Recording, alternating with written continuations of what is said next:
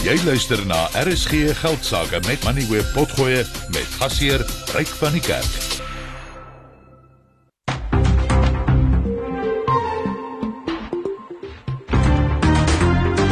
Jy luister na RSG Geldsaake met Ryk van die Kerk, jou betroubare bron vir sake en beleggingsinsigte.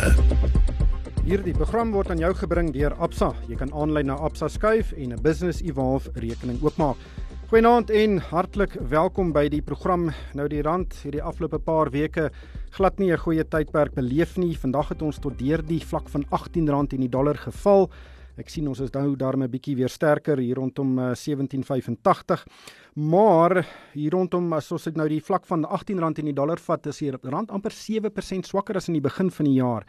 En dit is nogal 'n wesenlike verswakking. Ehm um, en dit spruit natuurlik uit 'n groot aantal redes. Daar's druk op uh die uh die dollar. Die dollar is heelwat sterker want daar's verwagtinge dat rentekoerse in Amerika verder kan sly. Daar's ook plaaslike probleme.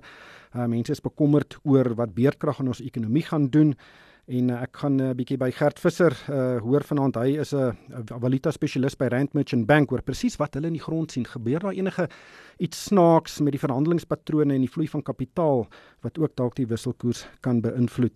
Ons gaan ook kyk na 'n nuwe kopermyn wat in die Noord-Kaap met bedrywighede begin het en later van dese maand op die JSE genoteer.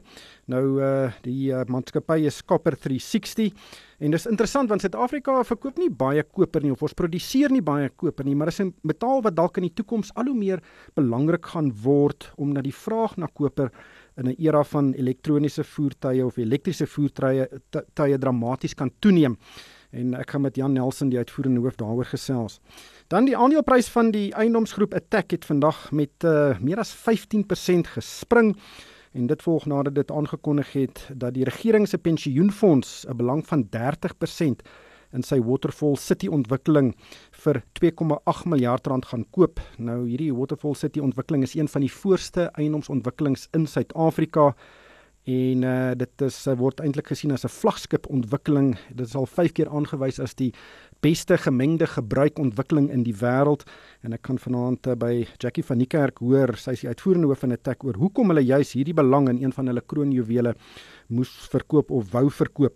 En dan dis maandag aand en dit beteken ons kyk weer na tegnologie. En vanaand gaan ons kyk na die Pretoria se maatskappy Milkor wat binnekort die grootste hommeltuig op die vasteland gaan bekendstel. Baie interessante tegnologie wat daar gebruik is en uh, ook ter sprake is en ek gaan met Daniel Du Plessis van Milkor daaroor gesels. Maar kom ons kyk eers wat het vandag op die markte gebeur en soos gewoonlik is Henko reg. Henko, die rand was onder druk, maar ek sien hy het jou laatmiddag 'n bietjie sy kop opgetel. Dis heeltemal reg. Ryk goeie naand aan jou en goeie naand aan elke luisteraar. Ja, dit was baie interessant om vir 'n split sekonde vanmiddag te sien hoe die rand nou duurder as R18 raak, maar soos jy gesê het, hy het nou tot rustig gekom vir 'n wyle op R17.85. En dit was 'n mooi groen dag vir oorseese beurse as ook ons plaaslike beurs. Die Dow Jones en die S&P 500 is op die oomblik elkeen 0,9% stewiger. Die Nasdaq sommer 1,2% hoër en Europese beurse het in die groen gesluit. Die FTSE 100 en die Duitse DAX elkeen 0,7% op en die CAC 40 1% stewiger. En dan het die JSE met 1% vandag gestyg tot 79770 punte. Die Hulbron indeks was 0,6% hoër, die nywerheidsindeks 1,2% stewiger en die finansiële indeks het vandag 0,9% gewen.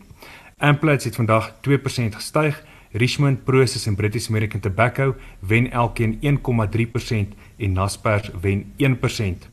Dan as ons oorbeweeg na mynbeaandele, het die volgende baie goed gedoen vandag. Goed gedoen vandag. Royal Bafokeng Platinum wen 5,6%, Northam 4% sterker, Thungela en Implats is elkeen 3,2% hoër.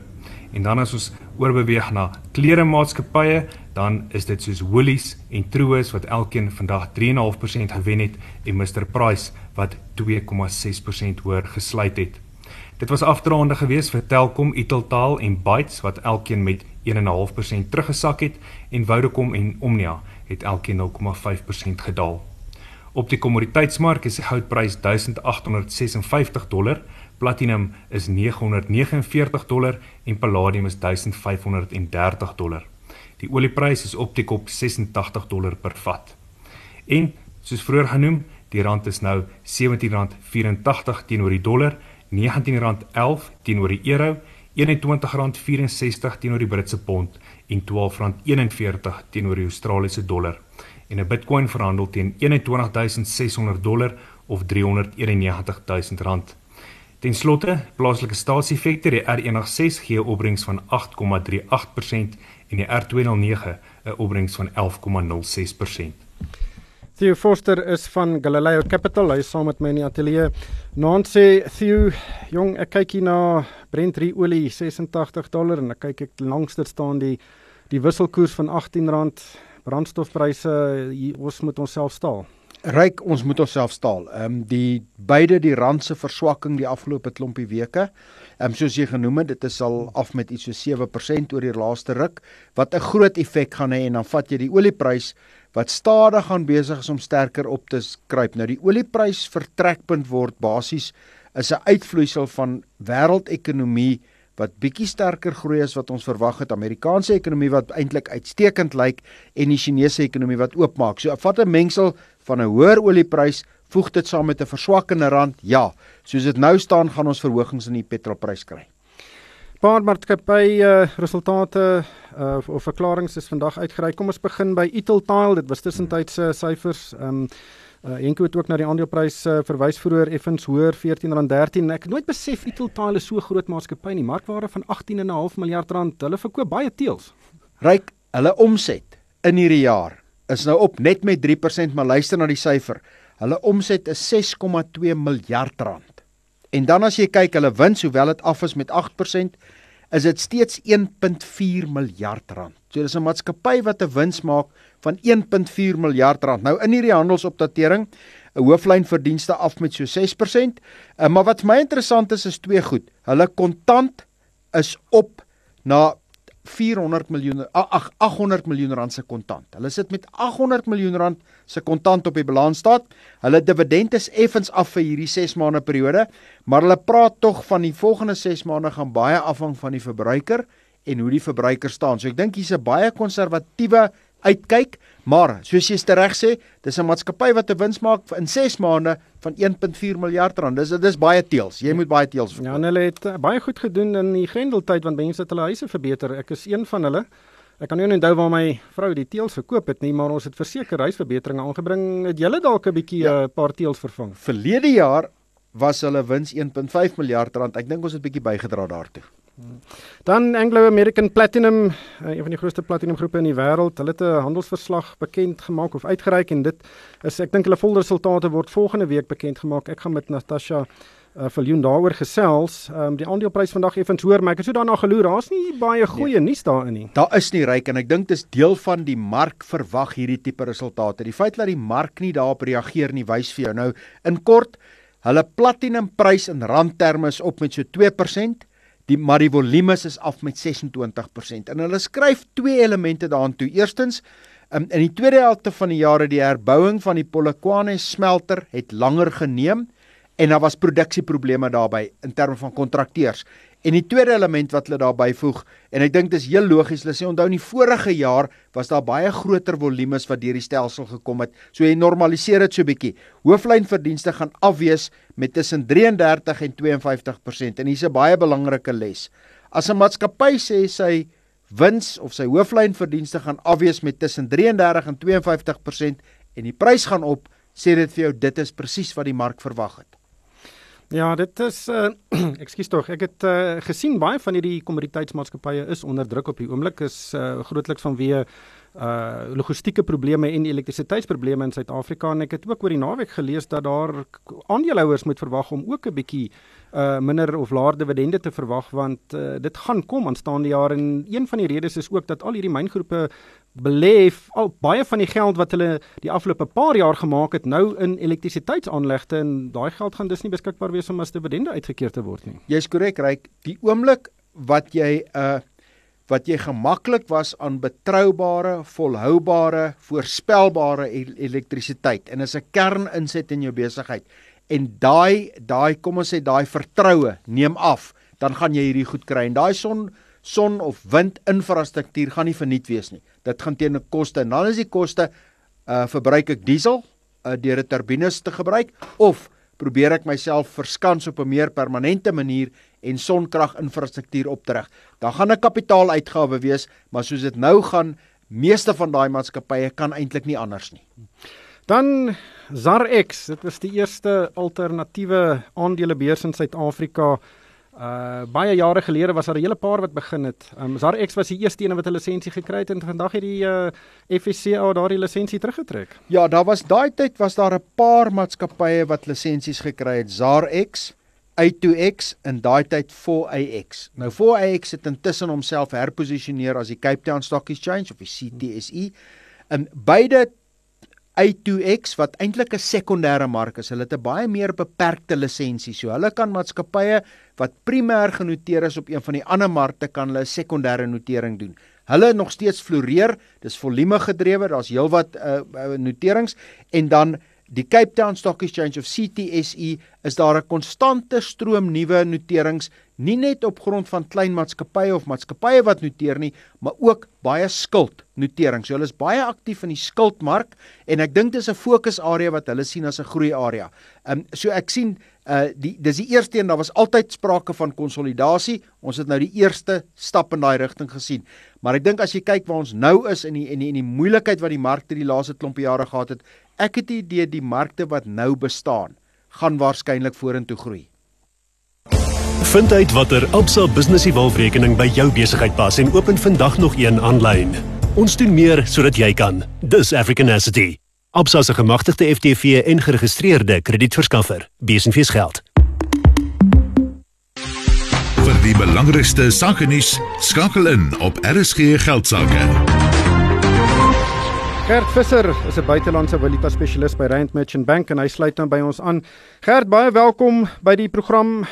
Die rand het uh, vandag deur die 18 rand vlak teen die dollar gebreek, nie vir kortstondig. Ehm um, dit het nou weer verstewig, maar as mens so na die grafiek kyk van wat die wisselkoers uh, gedoen het sedert die begin van die jaar, is dit 'n uh, so stelselmatige verswakking en ons is nou al bykans 7% swakker as in die begin van die jaar. Uh nou ons kan natuurlik baie redes op die tafel plaas, uh stygende Amerikaanse rentekoerse, swak groei verwagtinge plaaslik en ook uh nie ek dink nie die die beleggers loop oor van vertroue dat die regering se energieplanne gaan werk nie. Uh, wat, wat sien julle op die grond? Ehm um, wat wat dryf hierdie verswakking van ons geldeenheid? Ryk, dankie. Ja, jy het aan die hoofpunt raak geraak.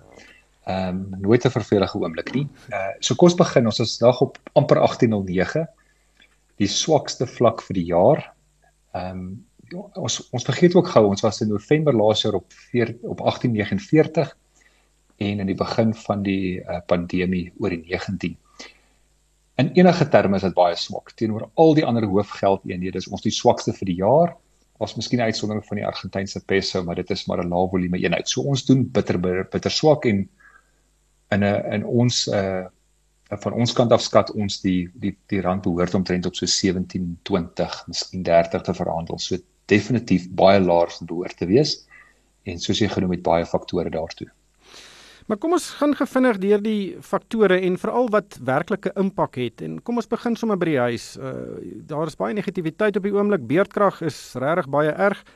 Uh en dit lyk nie heeltemal of baie mense saamstem dat die president en die regering se planne gaan werk om beerdkrag op die kort termyn uh, te verminder nie. Uh, Daar's ook groot kommer. Ek het vandag ook gesien dat iemand verwag dat of een van die groot ekonome verwag dat die ekonomiese groeikoers in die eerste kwartaal negatief kan wees. Uh het die plaaslike faktore volgens jou 'n wesenlike wesenlike impak op op hierdie of 'n uh, bydraende uh, rol wat hulle speel in hierdie swakker rand?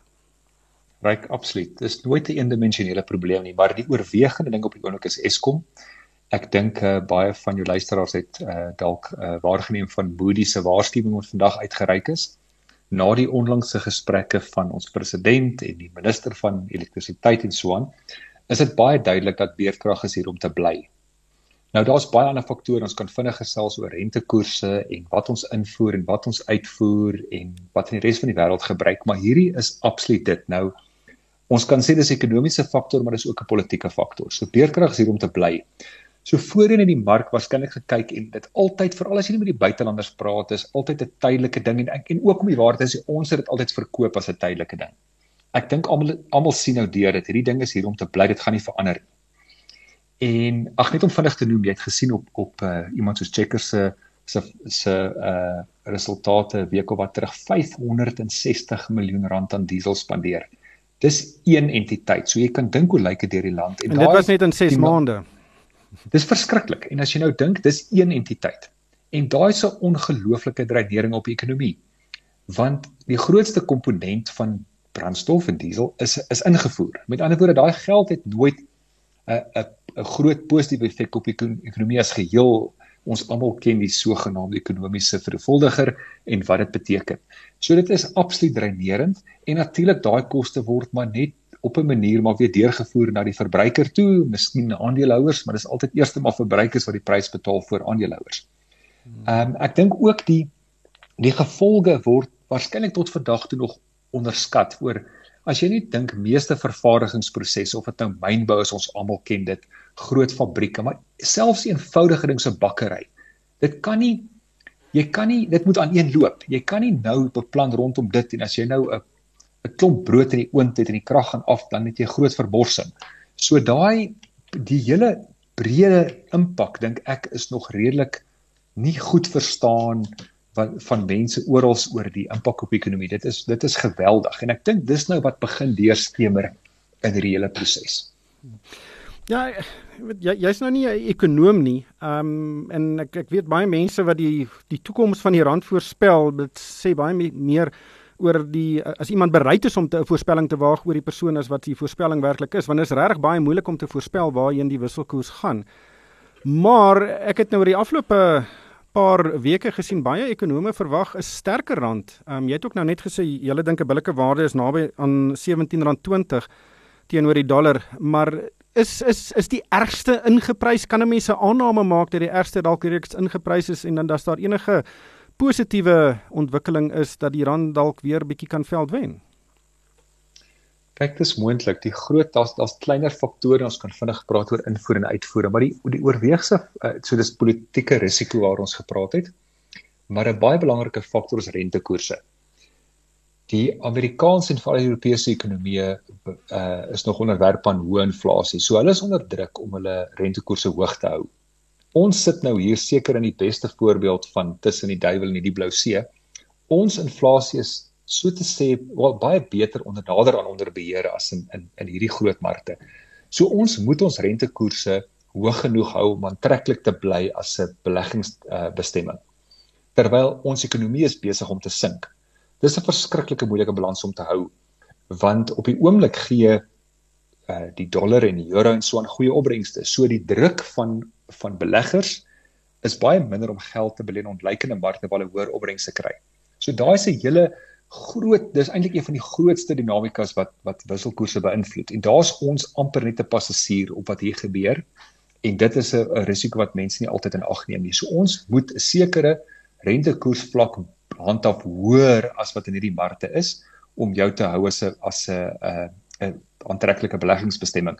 Ons weet die grootste invloed en uitvloei gaan oor staatseffekte en as die as die beleggers nie 'n goeie opbrengs kry op hierdie risiko wat hulle neem, dan gaan daai geld eenvoudig uitvloei en dit sal die rand verder verswak. So dit veroorsaak dan 'n kettingreaksie. So dis altyd die beginpunt is waar gaan daai rentekoerse heen? Ja, goed soos uitvoerverdienste, kommoditeitspryse is af en die die mynboubedryf verdien laer as waar dit se druk op. Ehm um, ons sien dat uh, ook die laaste ruk twee goed wat 'n invloed het is ons uitvoerders is hoog verskans.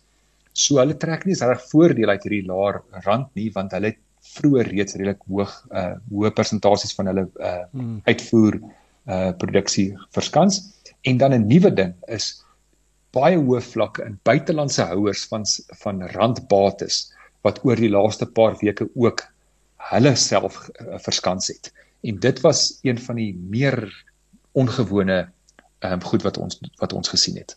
Wat bedoel jy daarmee? So al hierdie al hierdie uh, batehouers ehm um, uh batebestuurders wat Suid-Afrikaanse ehm um, uh aandele besit of enige vorm van 'n randgebaseerde bate het hulle in hulle tuismarkte teen die rand verskans. So sê ek besit 'n sekere hoeveelheid rand bates en hulle self verskans in hulle in hulle mark met met wat ons nou maar noem 'n 'n vorentoe kontrak en so aan om hulself te verskans teen 'n skielike verswakking van die rand. Met ander woorde die die sentiment wat jy daar die boodskap wat jy stuur is, ons verwag die san, die rand om dramaties te ver, te verswak en ek moet my daarteen verskans. So die persentasie van jou uitvoere of dan die teenoorgestelde van bates wat buitelands besit wat hulle self verskans teen 'n randverswakking gee nogal vir jou baie groei goeie aanduiding van die algemene sentiment uh teenoor ons geldeenheid. Gert, dankie vir jou tyd vanaand. Dit was Gert Visser. Hy is van Rand Merchant Bank. Theo, interessante opmerking daardie. Ja, en ek dink die die die die die die, die vir my die kerndeel van hierdie gesprek was tot baie onlangs het Gert en hy dit genoem het het het finansiële deelnemers en ek sluit myself in gereken Eskom is 'n tydelike beurtkrag is tydelik van aard. Tydelik van aard beteken jy gaan een of ander tyd die wel, ek kon nie sê die lig aan die einde van die tonnel sien maar gaan een of ander tyd meer lig begin sien as donker en dit gaan naderkom. Waar Gert nou die punt maak is dat dit is nie meer so nie. Mense begin langer vorentoe beurtkrag inprys en dit gaan langer vat om deur die stelsel te kom en ek dink dit is die definisie van sentiment. In 'n wêreld waar jou vervaardigingsbesigheid buitengewoon moet wees, wil jy nie ook 'n bank hê wat groter dink nie? Ons spankundiges verstaan die nuances van die bedryf al te goed en daarom kan ons pasgemaakte oplossings vir jou besigheid bied. Wil jy net nog 'n finansiële vennoot hê of een wat met jou toekomsverwagtinge in die vervaardigingsbedryf kan help? Dink groter, dink Nedbank kommersiële banksaake. Vir meer inligting, besoek Nedbank Manufacturing. See money differently. Nedbank. Ons is 'n gelisensieerde FDV en geregistreerde kredietverskaffer. Daar is geen geld sake met Moneyweb. Elke week saam tussen 6 en 7. Die Noord-Kaapse kopermyngroep Copper 360 gaan voor die einde van die maand op die JSE se alternatiewe beurs AltX noteer en dit sal die eerste sodanige notering in baie jare wees, nie net vir die JSE nie, maar ook hierdie notering wat uit die mynbedryf uitkom. Jan Nelson is op die lyn. Hy is die uitvoerende hoof van Copper 360. Jan, baie welkom by die program. As ek aan koper dink, dan dink ek aan die Palabora kopermyn daar in Limpopo, want dit is 'n groot myn en soos ek verstaan die enigste groot produsent van koper in Suid-Afrika. Hoe groot is die bedryf buite hierdie Palaborma myngroep? Die platinum myne as 'n byproduk produseer ook koper, maar nie groot kwantiteite nie. So behalwe vir Palaborwa is ons nou die eerste operasie wat weer begin om koper te ontgin in die Noord-Kaap en ek dink behalwe vir Palaborwa die enigste suiwer koperprodusent in Suid-Afrika. So julle is basies die nommer 2 speler as julle nou julle bedrywighede aan die gang kry. Ja, ons is nog 'n bietjie klein, maar ons sal binne 2 jaar sal ons redelike groot hê. Vertel ons van julle bedrywighede, waar presies is dit en hoeveel produseer julle daar? Ons operasies is in Nababib wat so 10 km noord is van Springbok en ons het 'n aanleg gebou wat so 8 maande terug in produksie gegaan het. En ons produseer koperplate. So 1 by 1 meter koperplate wat so 4 tot 6 mm dik is. Hulle is amper suiwer koper ons sal op so 'n jaarlikse basis 1200 ton koper doen maar binne die volgende 2 jaar gaan ons groei na so 8 8500 ton koper per jaar. Soos ek dit verstaan het julle nou die mynregte gekry om hierdie koper te ontgin by die ou koperbedrywighede van Newmont Mining en Goldfields. Hulle het in die verlede daar gemyn maar toe hulle daardie myne gesluit. En julle gaan nou verder met daardie produksie en julle gaan veral van die ontginde erts gaan julle weer kyk om koper daar uit te onttrek. So julle gaan nie nuwe kopermyn of nuwe neerslae ontgin nie. Eindelik is dit nuwe neerslag. Ons het eintlik 'n transaksie gedoen waar ons 'n Ship Kopermyn saamsmelt in Shelley Huys, die eienaar van die Ship Kopermyn en ook ons nuwe voorsitter is nou al vir die laaste 14 jaar besig met eksplorasie en om al die data bymekaar te maak. Maar niemand in Gulffields het 'n paar myne daar uh, uitgeboor en hulle het hierso in die 2000s onttrek toe die koperprys geval het en sedertdien is daar geen werk gedoen nie, maar al daai data is nog beskikbaar Die myne het toegangstonnels wat oop is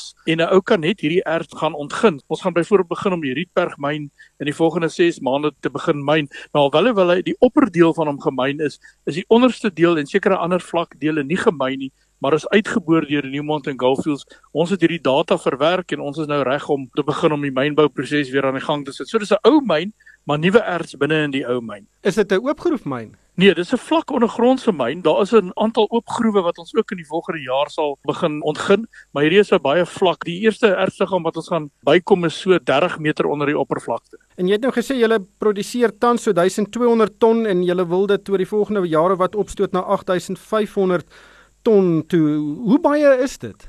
Dis 'n redelike hoeveelheid koper wat ons doen. Ons is heidaglik met die kering is ons ook besig om so 260 miljoen rand by institusies te kry. Ons het eintlik maar meeste van dit vas en met dit gaan ons nog 3 aanlegte bou. So ons het een aanleg en boop dit bou ons nog 3 aanlegte om dan so binne die volgende 6 tot 8 maande te begin om hierdie koper te ontgin. Dis 'n redelike hoeveelheid koper wat ons dan sal myn.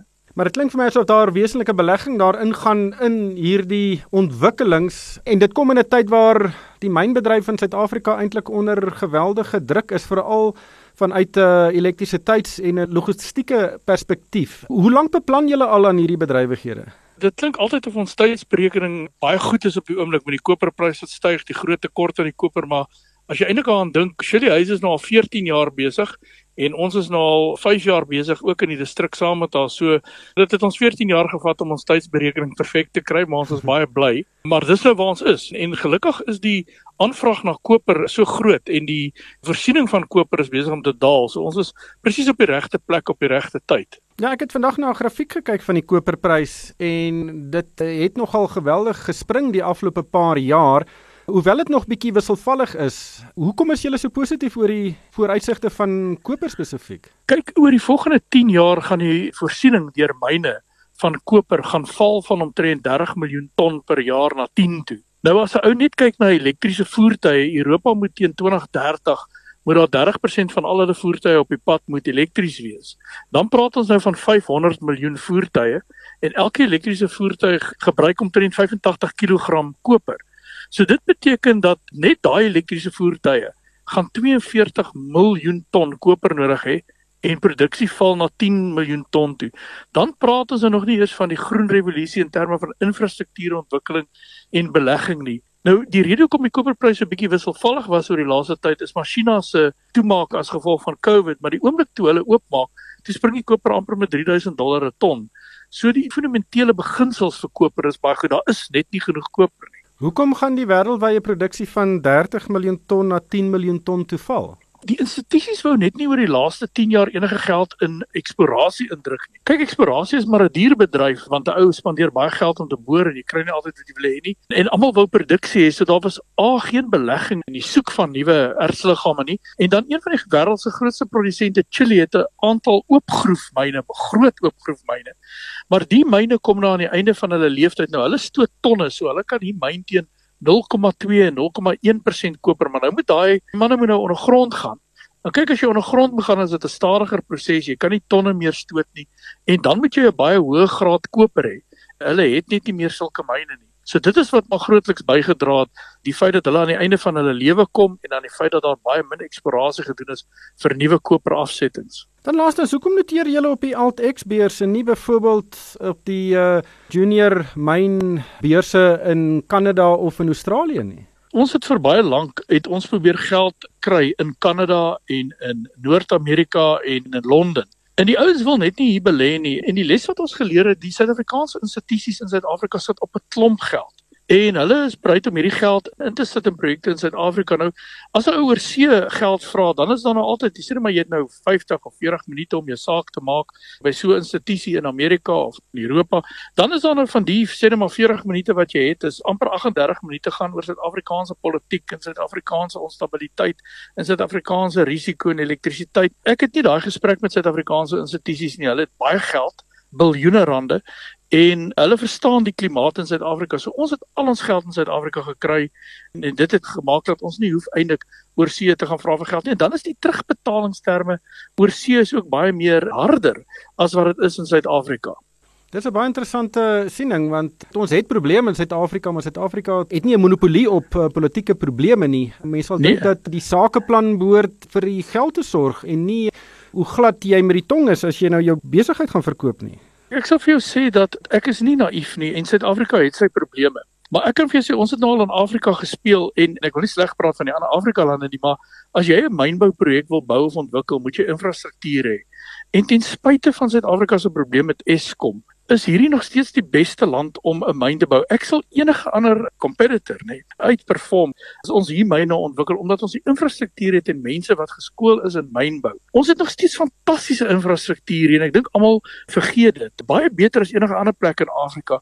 En dan as 'n ou in Amerika kyk en in jy weet in Asië waar daar nou oorlog is, dan is dit nie baie uh, goeie plekke om te belê nie. Suid-Afrika is 'n fantastiese plek. Ons het probleme, maar ou kan nie van jou probleme af weghardloop nie. Jy weet soos Eskom, jy bou maar 'n sonplaas en dan gaan jy aan. Ja, bou 'n sonplaas en gaan aan. Ons los dit daar. Jan, dankie vir jou tyd vanaand. Dit was Jan Nelson huis die uitvoerende hoof van Copper 360. Kan ek 'n besigheidsrekening kry wat by my besigheid pas? Met Absa kan ek. Absa se Business Evolve rekeninge bied 'n verskeidenheid buigsame opsies vir besighede van verskeie groottes. Elke pakket bied gratis toegang tot aanlyn bankdienste, 'n spaarsakkie en cashflow manager, 'n geïntegreerde rekeningkunde hulpmiddel wat jou help om op hoogte van finansies en meer te bly. Dis 'n oplossing wat saam met my besigheid groei. Vind uit watter Absa Business Evolve rekening by jou besigheid pas en open vandag nog een aanlyn. Ons doen meer sodat jy kan. Dis Africanacity. Absa se gemagtigde FTV en geregistreerde kredietverskaffer. Besenfees geld. RSG geldsaake met Moneyweb, jou betroubare bron vir sake en beleggingsinsigte. Die eienaarsgroep Attack se aandeleprys het vandag met meer as 15% gespring nadat dit aangekondig het dat die regering se pensioenfonds 'n belang van 30% in sy Waterfall City ontwikkeling vir 2,8 miljard rand gaan koop. Nou dit is net minder as die helfte van Attack se bestaande totale markwaarde van 5,4 miljard rand. So dis 'n reuse transaksie vir hulle. En hierdie Waterfall ontwikkeling word gesien as een van die voorste eienoomsontwikkelings in die land. Dit beloop 2200 hektaar tussen Midrand, Kyalami en Woodmead hier in die noorde van Johannesburg en dit bestaan uit verskeie residensiële ontwikkelings, kantoorblokke, restaurante, winkelsentrums en dis meer. Die Mall of Africa is ook daar. Uh Jackie van die Kerk is op die lyn. Sy is 'n uh, taxi uitvoerende hoof. Jackie, baie welkom by die program. Uh dis 'n groot transaksie vir julle. Hoekom het julle besluit om 30% van julle vlaggenskap ontwikkeling te verkoop? Goeienaand. Ehm um, ja, ons is baie baie bevoorreg om vanaand hier sit met met hierdie transaksie wat ons vandag aangekondig het. 'n Goeie vraag rede hoekom. Ehm um, jy weet, as jy 'n vlaggenskap ontwikkeling, ons pipeline is lank. Ons het om en by so 21 miljard se ontwikkelingspipeline wat ons nog moet uitrol. Jy weet, en toe ons sê strategies wat is 'n strategiese vernoot wat ons jy weet nodig het om hierdie uit te rol? Iemand wat inkom met die bates, iemand wat inkom met die land, die infrastruktuur En en en daar was nie vele ehm um, vernote wat sulke groot check ehm um, kan teken nie. So die regerings ehm um, pensioenfonds was was vir ons 'n natuurlike ehm um, amper kan ons sê 'n uh, huwelik wat ons ehm um, aangeknoop het. Mm. En en hulle weet ook wat hulle doen in terme van ehm um, die waterfront in in die Kaap waar hulle met Growthpoint 'n 50-50% aandelehouding besit. So dit is nie 'n onuitmatige um, transaksie vir hulle nie. Was dit altyd die plan om 'n 'n groot belang in hierdie ontwikkeling te verkoop? Ehm um, en en ek sien ook in julle persverklaring julle gaan 'n deel van die opbrengs gebruik om julle skuldverhouding te verlaag, uh, maar was dit altyd die plan? Ek dink dit was altyd die plan nie. Ek dink jy weet veral deur ehm um, deur Covid ehm um, moes ons hard kyk na ons balansstaat, ons kapitaalstruktuur.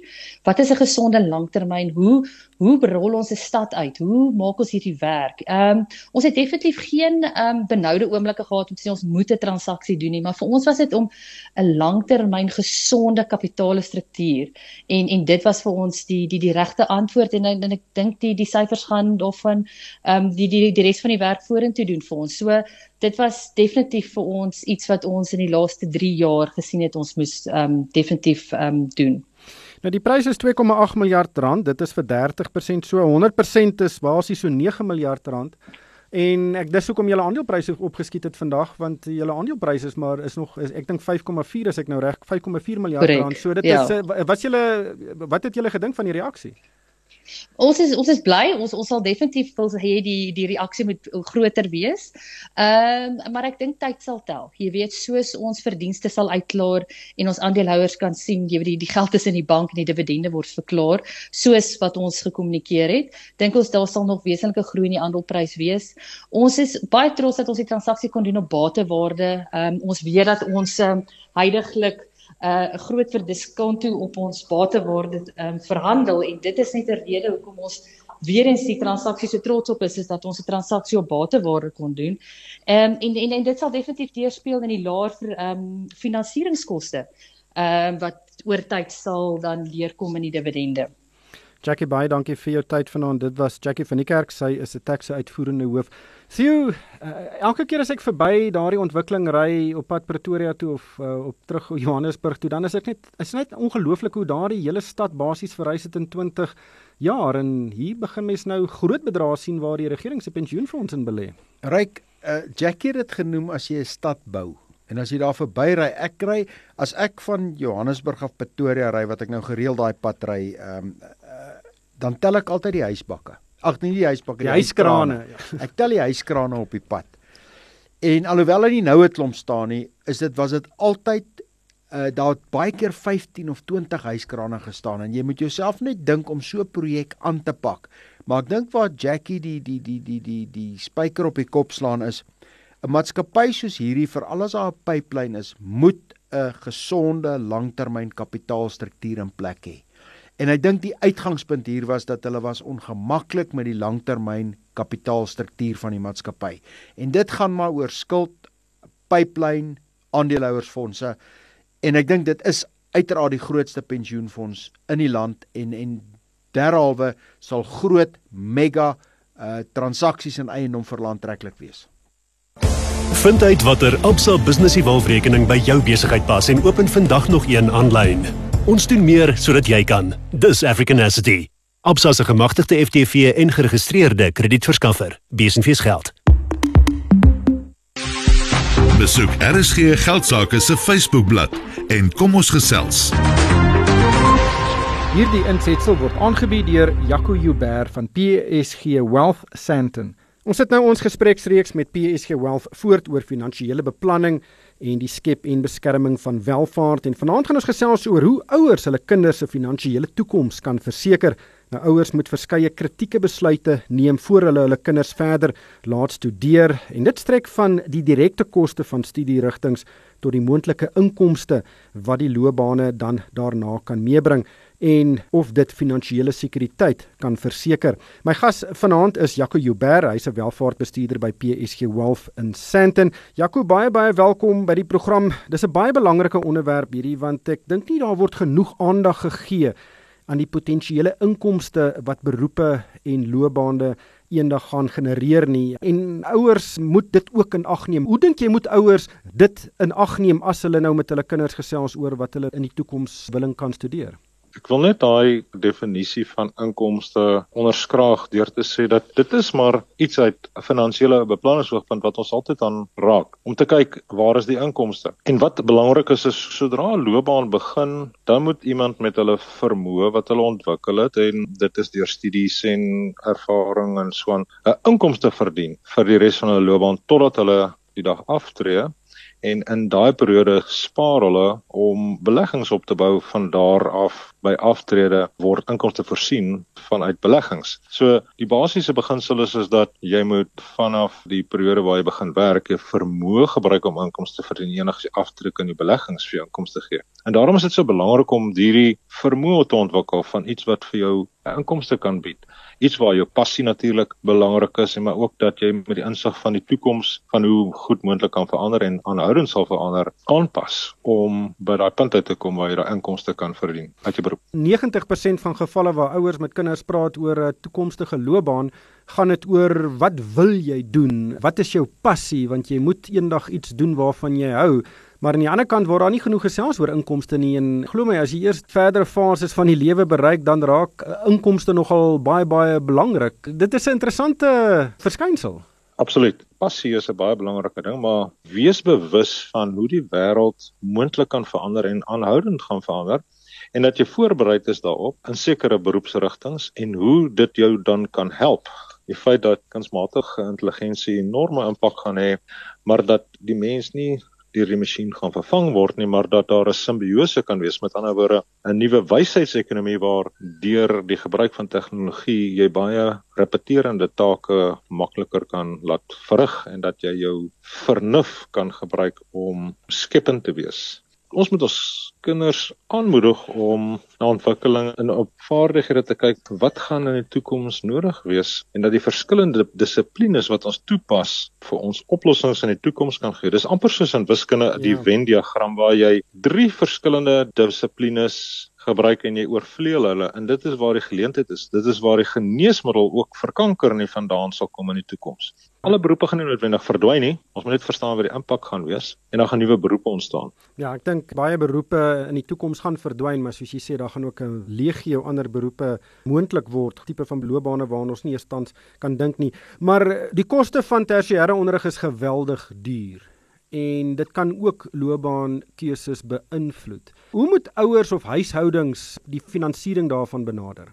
Ons moet dit sien as 'n belegging in jou kind of kinders se toekoms. Ek het 'n geraamde syfer dat 'n 4 jaar nagraadse kursus by 'n tersiêre instelling soos 'n universiteit natuurlik met al die dergelike verskillende fasette 'n geraamde 1.2 miljoen rand kan kos. Nou, dis 'n groot som, Daar is dalk maniere hoe om daarvoor te spaar, maar die groot belangrike ding is is dat ons moet dit as 'n belegging sien in iemand se toekoms en die rendement of die opbrengs op dit gaan 'n inkomste wees en finansiële sekerheid vir jou kind om eendag onafhanklik te raak en 'n goeie loopbaan te kan benut waar hulle inkomste kry. Ek wil 'n tradisionele beroep hierso uitlig, die boer van vandag mag dalk in die toekoms saam met 'n bietjie ingenieurswese 'n voedselingenieur wees en die voedselingenieur mag dalk besluit om sy opbrengs uh, op die land te kry of in moontlik fabriek en kos gaan 'n groot impak hê hoe 'n uh, ingenieur daarna kyk en ons kan heeltemal kyk na 'n nuwe tipe beroep wat so sal ontstaan. Oorspronklike denke, nuwe ontwikkelings sal juis kom by die kruising van hierdie verskillende dissiplines Maar die koste daarin is enorm, dit sal enorm bly. Ek dink een van die belangrikste dinge is om so vroeg as moontlik te begin om daai besparing te doen. Belangrike ding sal natuurlik wees dat jy kan toegang tot die geld kry vir verskillende datums. Toeganklikheid sal belangrik is, die belastingstruktuur van so 'n belegging gaan vir jou belangrik is dat jy nie onnodige inkomstebelasting betaal of kapitaalwinsbelasting nie en dat jy groei kry en dat jy enkel bedrae kan bylas op enige stadium en toevoeg tot so 'n belegging. Dit kan selfs 'n ja. geskenk van 'n oupa of ouma wees met 'n verjaarsdag en dat daar herhalende beleggings op 'n maandelikse basis kan gedoen word en dat daar ook dit in trieraad gesit word eendag in die toekoms waar 'n enkel bedrag onttrek kan word en ook herhalende inkomste uit so belegging om die befondsing moontlik te maak. Enige vorm van besparing waar ons in die toekoms geld genodig het, daar's 'n som wat gemaak kan word en dan kan daar gesê word dat dis soveel gespaar moet word met tye enkel bedrag bygevoeg moet word om daai doelwit te bereik. So dit is moontlik dat iemand wat daarin spesialiseer vir jou vanaand kan help om te sê maar dit is wat jy behoort te doen en dis ook die regte struktuur vir jou. So ek dink om vroeër te begin is beter as later want dit kan dan moeiliker raak. Jaco, baie dankie vir jou tyd vanaand. Dit was Jaco Joubert, hy's 'n welvaartbestuurder by PSG Wealth in Sandton.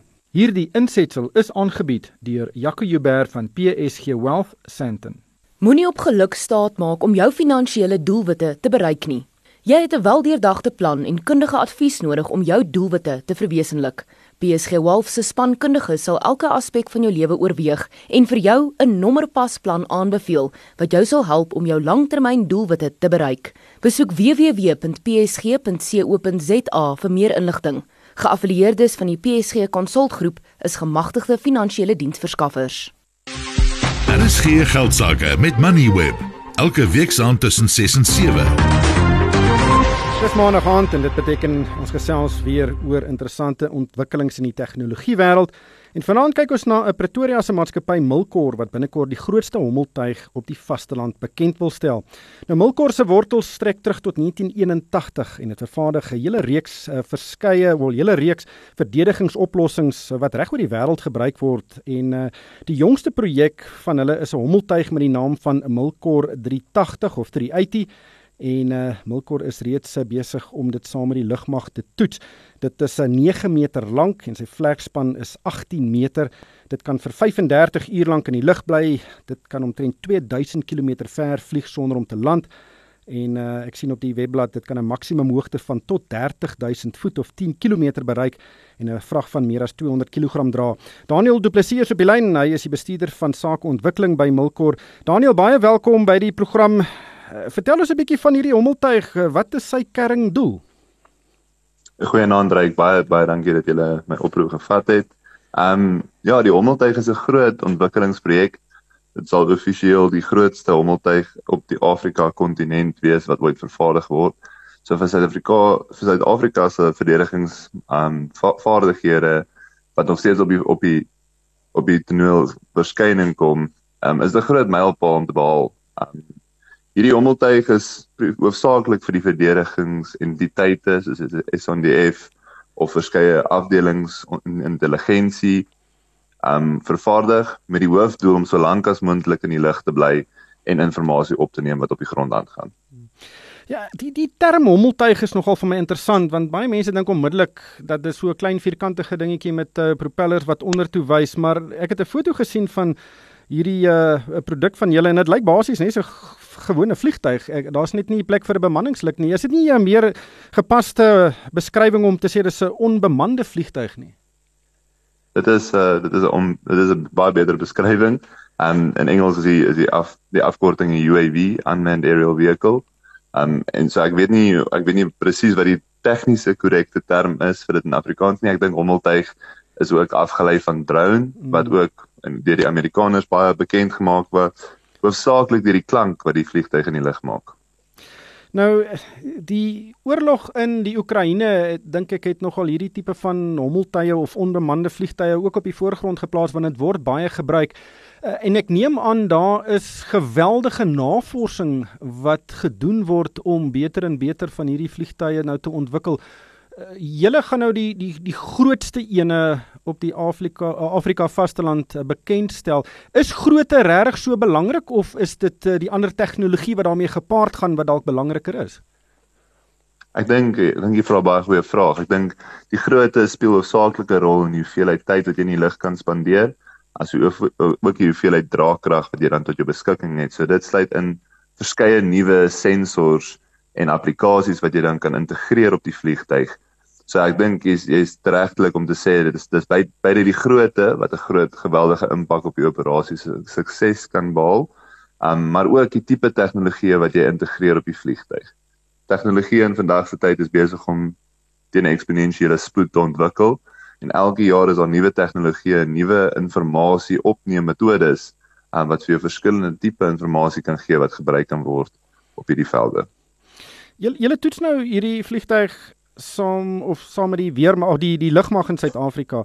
Ehm um, wie, wie is julle mark? Ehm um, word dit streng gereguleer? Kan julle byvoorbeeld aan ander lande ook van van hierdie produkte verkoop sou hulle dit wil hê? Ja, so ons ons hoofsaaklike teikenmark is die Suid-Afrikaanse regering of dit die lugmag of uh verskeie afdelings in die Suid-Afrikaanse regering is. Uh ek daar's onlangs 'n uh, 'n grens um ek dink die Engelse term is a border management agency ek is nie 100% seker wat dit in Afrikaans is nie maar daai entiteit is nou gestig wat wat 'n samestelling van klomp entiteite is om hoofsaaklik primêre oplossings te soek vir die vir die probleme wat ons op ons grense het en ek, ek watter ook al entiteit hierdie hierdie produk gaan gaan gebruik is ons primêre teiken. So ons werk baie nou met die Suid-Afrikaanse regering Um maar jy is 100% ook reg om te sê dat hierdie produk is dan ook beskikbaar vir ander lande. Um die tegnologie wat ons ontwikkel het is van so 'n aard dat dit word definitief goed gereguleer. Met ander woorde, dit kan nie net in enigiemand se hande beland nie, maar dat dit nog steeds beskikbaar is vir ander lande se weermagte en regerings om ook van gebruik te maak. Net laastens in kortliks, hoeveel mense ingenieurs het gewerk aan hierdie projek? So ons het in in 2017 begin en heidaglik is ons omtrent 200 ingenieurs, projekbestuurders uh, wat wissel van ouens wat 65 en plus is tot ouens wat vars uit die universiteit uit is uh, wat heidaglik op hierdie projek werk. Meer as 200 ingenieurs, eintlik ongelooflik. Daniel, baie dankie vir jou tyd vanaand. Dit was Daniel Du Plessis. Hy is van Milkor. En daarmee die tyd ons ingehaal. Uh Theo baie dankie vir jou tyd vanaand. Dankie dat jy ingekom het. Dit was uh, Theo Forster. Hy is van Galileo Capital. Luisteraars kan na potgooi van vanaand se program luister by moneyweb.co.za en ook op die Moneyweb slimfoon toepassing. En daarmee groet die Moneyweb span van Pelesa Matlala, Pieter Botha en Kokereer en vir my Ryk van die Kerk. Dankie vir die saamluister en hierdie program is aan jou gebring deur Absa. Jy kan aanlyn na Absa skuif en 'n business e-wallet rekening oopmaak. Jy het geluister na RSG Geldsaake met Moneyweb Potgoe elke weeksdag om 7 na middag. Vir meer Moneyweb Potgoe, besoek moneyweb.co.za of laai die toepassing af en volg Moneyweb News om dagliks op hoogte te bly.